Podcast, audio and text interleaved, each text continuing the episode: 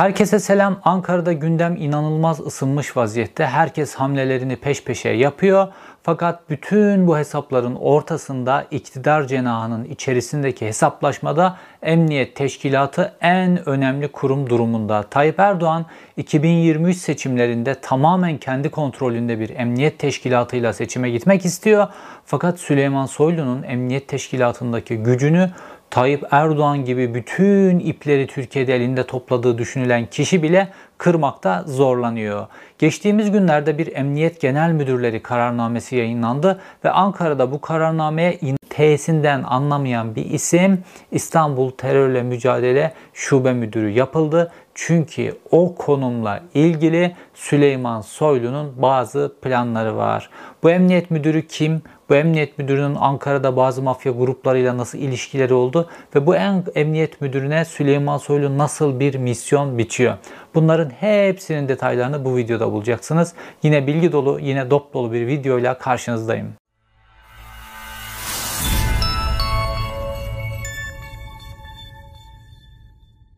Tayyip Erdoğan'ın özellikle 2 Kasım seçimlerinden sonra, 2 Kasım 2015 seçimlerinden sonra bütün ipleri Türkiye'de eline aldığı düşünülür ve bu 15 Temmuz'dan sonra da katmerlendi. Başkanlık sistemine geçtikten sonra da daha da katmerlendi diye düşünülür. Fakat geldiğimiz noktada Tayyip Erdoğan'ın çok istemesine rağmen Emniyet Teşkilatı'nın içerisinde bazı değişiklikleri yapamaz durumda olduğu da çok net.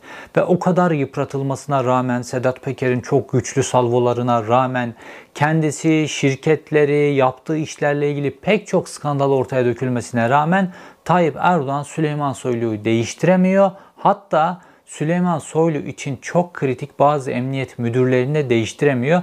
Üstelik de Tayyip Erdoğan 2023 seçimlerine kendisinin tamamen kontrolünde olan emniyet müdürleriyle gitmek istediği halde.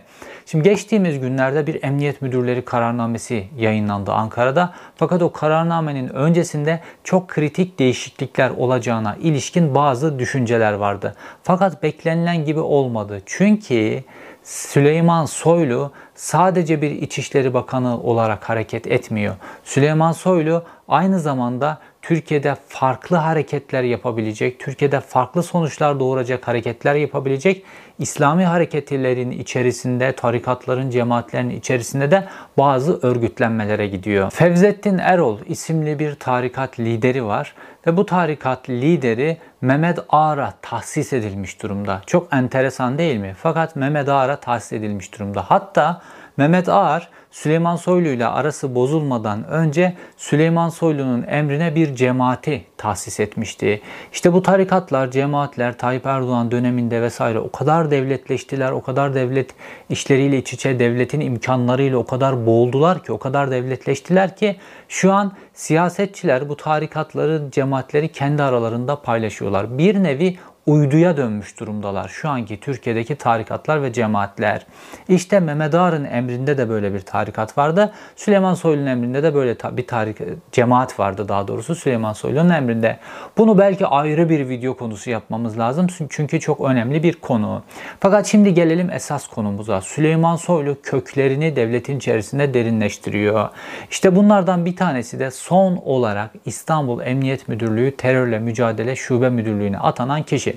Daha önce Çekmeköy Emniyet Müdürü'ydü Oğuz Namlı. Şimdi İstanbul'un en kritik birimlerinden bir tanesine getirildi. Bu birim çok önemli çünkü bu birim Tayyip Erdoğan'ın yapmayı düşündüğü bu işte Avrasyacılar, ulusalcılar ya da Ergenekoncular ne derseniz bu yapıya dönük hamlelerdeki en kilit birim olacak. İstanbul Terörle Mücadele Şube Birimi. Şimdi buranın üzerinden yapılan değişikliğe baktığımızda enteresan biçimde bu Oğuz Namlı'yı şu an Süleyman Soylular tepe tepe kullanırken geçmişte Levent Göktaş'ın da kullandığını görüyoruz. Ankara'daki bazı mafya bağlantıları üzerinden Şimdi diyeceksiniz ki Levent Göktaş işte eski özel kuvvetler mensubuydu, sonra avukatlık yaptı vesaire. Bunun mafya gruplarıyla ne işi var?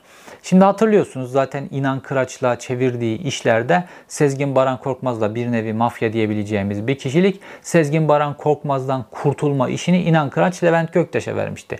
Böyle dinsizin hakkından imansız gelir gibi bir durum. Fakat onun öncesinde Sedat Peker'in daha doğrusu bunun sonrasında Sedat Peker'in yaptığı bir açıklama vardı ve Sedat Peker dedi ki Levent Göktaş'a hitaben yaptığı açıklamada dedi ki senin bana yaptırmaya çalıştığın adam kaldırma işlerini de konuşacağız. Bunları da ifşa edeceğim dedi. Şimdi gördüğümüz gibi Levent Göktaş denen Türk Silahlı Kuvvetlerinden emekli hukukçu pozisyonunda olan bir kişi bir mafya grubunun liderine adam kaldırmakla ilgili bazı siparişler vermeye çalışıyor. O da yapmıyor. Kendi beyanına göre Sedat Peker'in. Fakat sadece bununla sınırlı değil başka mafya gruplarına da sızmış durumda Levent Göktaş. İşte bunların en önemlileri de Ankara'daki mafya grupları ve bunlarla irtibatını kurduğu kişi de işte bu Oğuz Namlı denen emniyet müdürü. Şimdi gelelim Oğuz Namlı'nın Ankara günlerine. Ankara günlerine geldiğimizde oradaki kullanış biçimi, oradaki bazı mafya grupları ile ilişkileri vesaire bunları anladığımızda hem emniyet teşkilatının nasıl kirli olduğunu anlayacağız hem de bu Oğuz Namlı'nın İstanbul'a getirilerek neler yapılmaya çalıştığını ve terör birimine getirerek neler yapılmaya çalışıldığını çok daha net biçimde anlayacağız. Levent Göktaş'ın biliyorsunuz savunma sanayi alanında şirketleri var ve bu şirketler böyle 10 milyonlarca euroluk büyüklüğe ulaşmış durumdalar. Hatta Levent Göktaş'ın bütün servetinin büyüklüğünün 300 milyon dolar olduğundan filan bahsediliyor.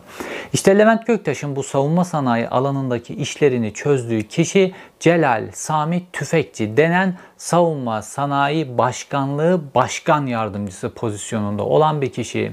Bu Celal Sami Tüfekçi ile Levent Göktaş o kadar samimiler ki ve Celal Sami Tüfekçi Levent Göktaş'a o kadar e, özen gösteriyor ki, saygı gösteriyor ki Levent Göktaş savunma sanayi başkanlığına gittiğinde kendisini kapıda karşılıyor ve Levent Göktaş'ın Ankara bürokrasisindeki bütün randevularını vesaire bunların hepsini bu Celal Sami ayarlıyor.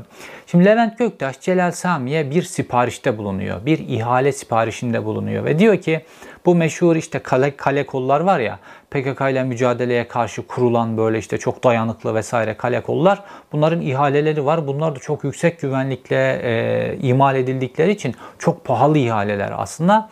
Bu kale kolların ihalelerinden e, bir kısmını e, Ankara'da Kürt Ahmet grubu olarak bilinen bir mafya grubu var ve Kürt Ahmet'in de Şahin Turgut isimli bir yeğeni var.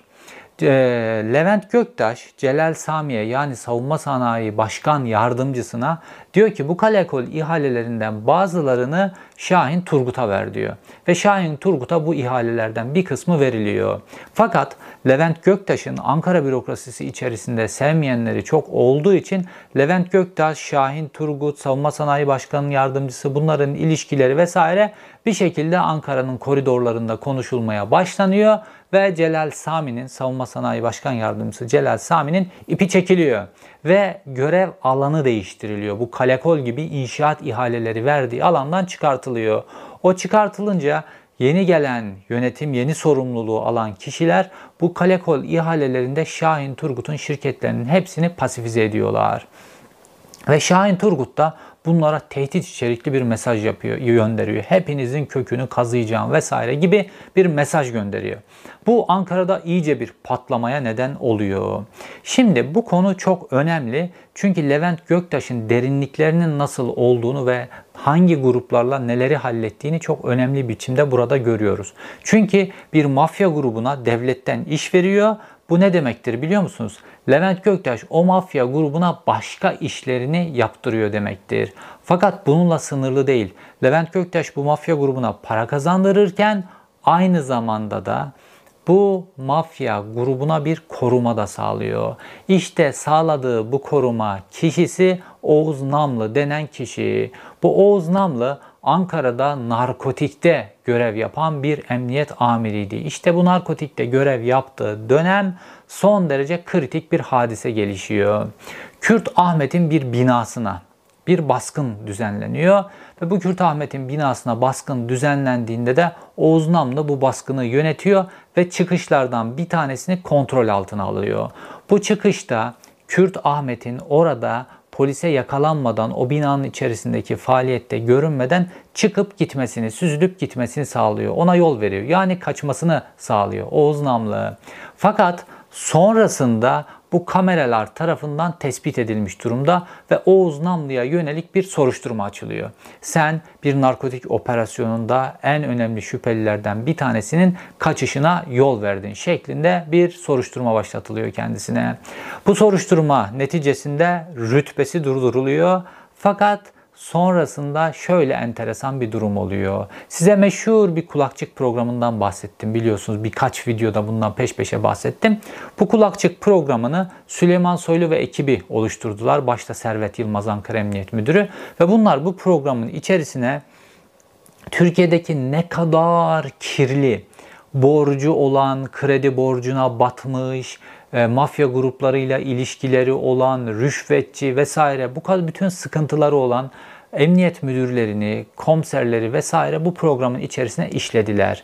Ve bu kirli polis, polisleri bütün emniyet teşkilatının içerisinde en kritik noktalara getirdiler. Neden? Çünkü kendi yapmak istedikleri işleri ancak kirli polisler kendilerinin zaaflarını ellerine geçirdiği polislere yaptırabilirler.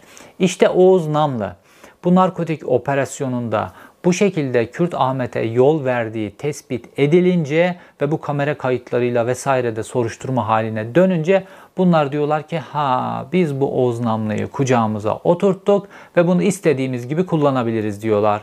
Ondan sonra Oğuz Namlı'nın bu soruşturmasının üzerini kapatıyorlar ve Oğuz Namlı'nın önünü açıyorlar. Ve Oğuz Namlı önünün açıldığı ilk noktada Süleyman Soylu için çok önemli olan başka bir ismin Ayhan Bora Kaplan isimli Ankara'nın yeni ortaya çıkan yeni mafya babasının çok önemli bir operasyondan kurtulmasını sağlıyor. Sonrasında bu mafya babasının önünün açılması için de bazı hamleler gerçekleşiyor. Şimdi gelelim bu fasla. Şimdi öncelikle bu Ayhan Bora Kaplan'la ilgili çok önemli bir bilgi vermem lazım. Şimdi Ayhan Bora Kaplan normalde Ankara'da böyle torbacılık yapan çok alt düzeyde bir adamdı. Fakat kendisi aynı zamanda polis muhbiri. Bu çok önemli bir bilgi.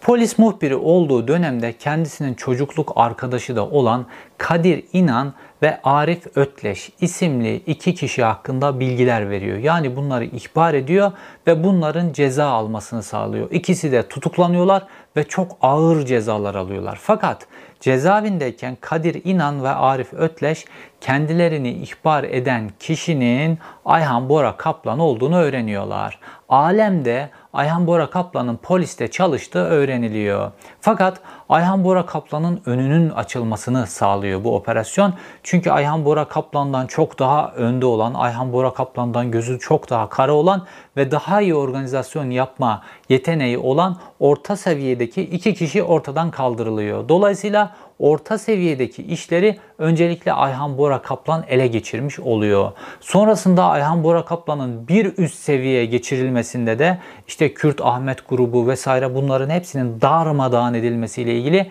emniyet teşkilatı tepe tepe kullanılıyor. Öyle ki Kürt Ahmetleri böyle artık sokakta yürüyemeyecek, Kürt Ahmet grubunu yürüyemeyecek hale getirmek, bir mekanda oturup yemek yemeyemeyecek hale getirmek için tamamen emniyet teşkilatı kullanıyor. Bununla ilgili bazı detayları başka bir videomda vermiştim zaten. Şimdi Ayhan Bora Kaplan böyle bir emniyet muhbiri. Dolayısıyla bu adamları tutuklatıyor. Fakat Süleyman Soylular şunu keşfediyorlar. Bu adam madem bizimle çalışıyor o zaman biz bunu kendi mafya liderimiz yapalım diyorlar. İşte ondan sonra bu Kürt Ahmetlerin vesaire o grupların önü hepsinin kapatılıyor ve Ayhan Bora Kaplan Ankara'da bir mafya tekel grubuna geliyor. Ondan sonra işte Ayhan Bora Kaplan'ın hedef aldığı gece kulüplerine her gün polis baskını yapılıyor. Her gün polis baskını yapılıyor. Sonra bu gece kulüpleri sahipleri Ayhan Bora Kaplan'a bu mekanları satmak, devretmek çok ucuza zorunda kalıyorlar. Ve şu anda Ankara'nın gece kulüpleri, gece kulüpleri ne demek biliyor musunuz? Uyuşturucunun satıldığı mekanlar demek. Gece kulüpleri şu an Ayhan Bora Kaplan'ın kontrolünde. Aynı zamanda gece kulüpleri paranın aklandığı mekanlar demek. Bunların hepsi Ayhan Bora Kaplan'ın kontrolüne geçiyor. Yetmiyor. Ayhan Bora Kaplan'ın şu an Ankara'da bir marketler zinciri var. O yetmiyor restoranları var. O yetmiyor şimdi sürekli böyle Avrupa'da fellik fellik geziyor. Oteller moteller satın alıyor. Paraya para demiyor. Çünkü narkotik işi Ayhan Bora Kaplan'ın elinde. Bu işin Ayhan Bora Kaplan'ın eline geçirilmesindeki kilit kişi kim? Oğuz Namlı denen emniyet amiri. Oğuz Namlı dediğim gibi hem Levent Göktaş tarafından kullanılıyor hem Süleyman Soylu tarafından kullanılıyor. Ve Oğuz Namlı bu Kürt Ahmetlere yol verme işinden soruşturma geçildikten sonra tamamen Süleyman Soylu'nun kucağına oturuyor ve Süleyman Soylu da artık buna diyor ki o grubu değil artık benim grubumun önünü açacaksın diyor ve Ayhan Bora Kaplan'la çalışmaya başlıyor Oğuz Namlı. Ve o günlerde Ayhan Bora Kaplan'la ilgili savcılıktan bir dinleme kararı çıkartılıyor. Bu dinleme kararına savcılığın eline geçen bazı bilgilere göre Ayhan Bora Kaplan onunla ilgili de tabii ki şikayetlerde bulunuyor. İşte Ankara'daki gece kulüplerine çöküyor, Ankara'daki uyuşturucu piyasası bunun eline geçti vesaire vesaire. Savcılıkta onunla ilgili bir dinleme kararı çıkartılıyor. Fakat Oğuz Namlı ne yapıyor biliyor musunuz? Bunların hepsi de tespitli durumda. Oğuz Namlı Ayhan Bora Kaplan'ı çağırıyor. Diyor ki seni diyor 6 ay dinleyeceğiz telefonlarını. Dolayısıyla 3 artı 3 şeklinde 6 ay dinleyeceğiz.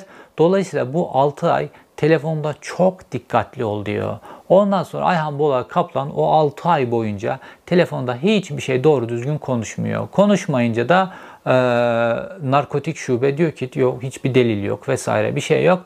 Bu şekilde dosyayı kapatıyorlar. Dolayısıyla Ayhan Bora Kaplan'ı çok büyük bir badirenin içerisinden de kurtulup artık onunla ilgili dosyanın açılması bir başka bahara kaldığı için savcı diyor ki adamı zaten takip ettik. Başka şikayetler vesaire gelse bile adamı takip ettik. Hiçbir şey çıkmadı diyor savcı da. Dolayısıyla önü tekrar açılıyor Ayhan Bora Kaplan'ın ve Ayhan Bora Kaplan Ankara'daki tekel haline geliyor. Oğuz Namlı Ayhan Bora Kaplan'ın böyle önünü açınca hemen 4. sınıf emniyet müdürlüğüne yükseltiliyor ve yeni rütbesinin karşılığı olarak da Ankara'da göçmen kaçakçılığıyla ilgili Emniyet Şube Müdürlüğü'ne getiriliyor ve hemen akabinde Zafer Aktaş İstanbul Emniyet Müdürü olduğunda hemen İstanbul'a kendisini götürüyor ve Çekmeköy İlçe Emniyet Müdürü yapılıyor. Neden? Çünkü bu Çekmeköy özellikle bu harfiyet tırları vesaire bununla ilgili meseleler, diğer tır geçişleri vesaire bunlar da çok kritik bir yer. Ve bazı tırlar durdurulur burada, bazıları durdurulmaz. İşte o durdurulmayan tırlara ait şirketler, tırların ait olduğu şirketler emniyette rüşvetlerini vermiş şirketlerdir. Ya da bu tırların içerisinde bazı pudra şekeri gibi malzemeler vardır. Bu sebeple durdurulmamaları gerekiyorlardır. Ve Çekmeköy İlçe Emniyet Müdürlüğü'nde Oğuz Namlı bütün bu işleri de çok güzel organize ettiği için durdurmaması gereken tırları durdurmamadı, durdurmadığı için 3. sınıf Emniyet Müdürlüğü'ne terfi ediyor. Ve önü sürekli açılıyor ve sonrasında da ne yapıldı? 3. sınıf Emniyet Müdürü olduktan sonra da İstanbul Terörle Mücadele Şube Müdürlüğü'ne oturdu. Yani herkesin gözünün önünde, bütün emniyet teşkilatının gözünün önünde ta o narkotik operasyonunda kaçışa izin vermesinden başlayarak Ayhan Bora Kaplan'la nasıl iş tuttuklarının hepsinin bilinmesine rağmen Çekmeköy'de çevirdiği bütün dolaplar bilinmesine rağmen herkesin gözünün içine baka baka Oğuz Namlı İstanbul Terörle Mücadele Şube Müdürü yapıldı. Şimdi bundan sonra FETÖ borsası meselelerinde, İstanbul'daki terör operasyonlarında ve Levent Göktaşlar vesaire onlara yönelik yapılacak operasyonlarda vesaire bunların hepsinde bu kriminal tip Süleyman Soylu ne istiyorsa onu yapacak. Fakat şu çok enteresan. Tayyip Erdoğan bu kadar kuvvetli olduğunu düşündüğü bir zamanda bile en kritik illerden bir tanesinin İstanbul'un en kritik ilin hatta emniyet müdürünü de belirleyemiyor. Onun en kritik şube müdürlerini de belirleyemiyor. Bu çok enteresan işte.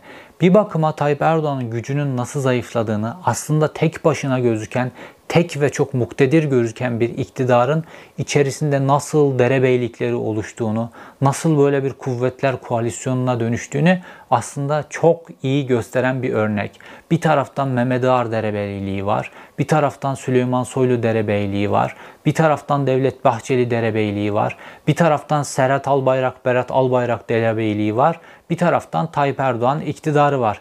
Fakat için içerisinde pek çok derebeylikler var. Bunun içerisinde mafya grupları da ayrı bir derebeylik haline gelmiş durumda. Bunun içerisinde devletin bazı kurumlarını tamamen kendisine ele geçirmiş. Bazı bürokratlar da o kurumları kendi hesapları doğrultusunda yönetiyorlar. Bunlar da ayrı bir derebeylik. Tabii ki Hulusi Akar da ayrı bir derebeylik. Tabii ki Hakan Fidan da ayrı bir derebeylik. İktidar böylesine parçalı bir yapıda. Fakat bu yapının içerisinde Terörle Mücadele Şube Müdürlüğü, İstanbul Terörle Mücadele Şube Müdürlüğü'nün hikayesi bu şekilde. Yani en kritik anda bile o kritik noktaya Süleyman Soylular, Levent Göktaş'ı temsil eden yapılar yine bir atama yapmayı becerebiliyorlar. İzlediğiniz için teşekkür ederim. Bir sonraki videoda görüşmek üzere.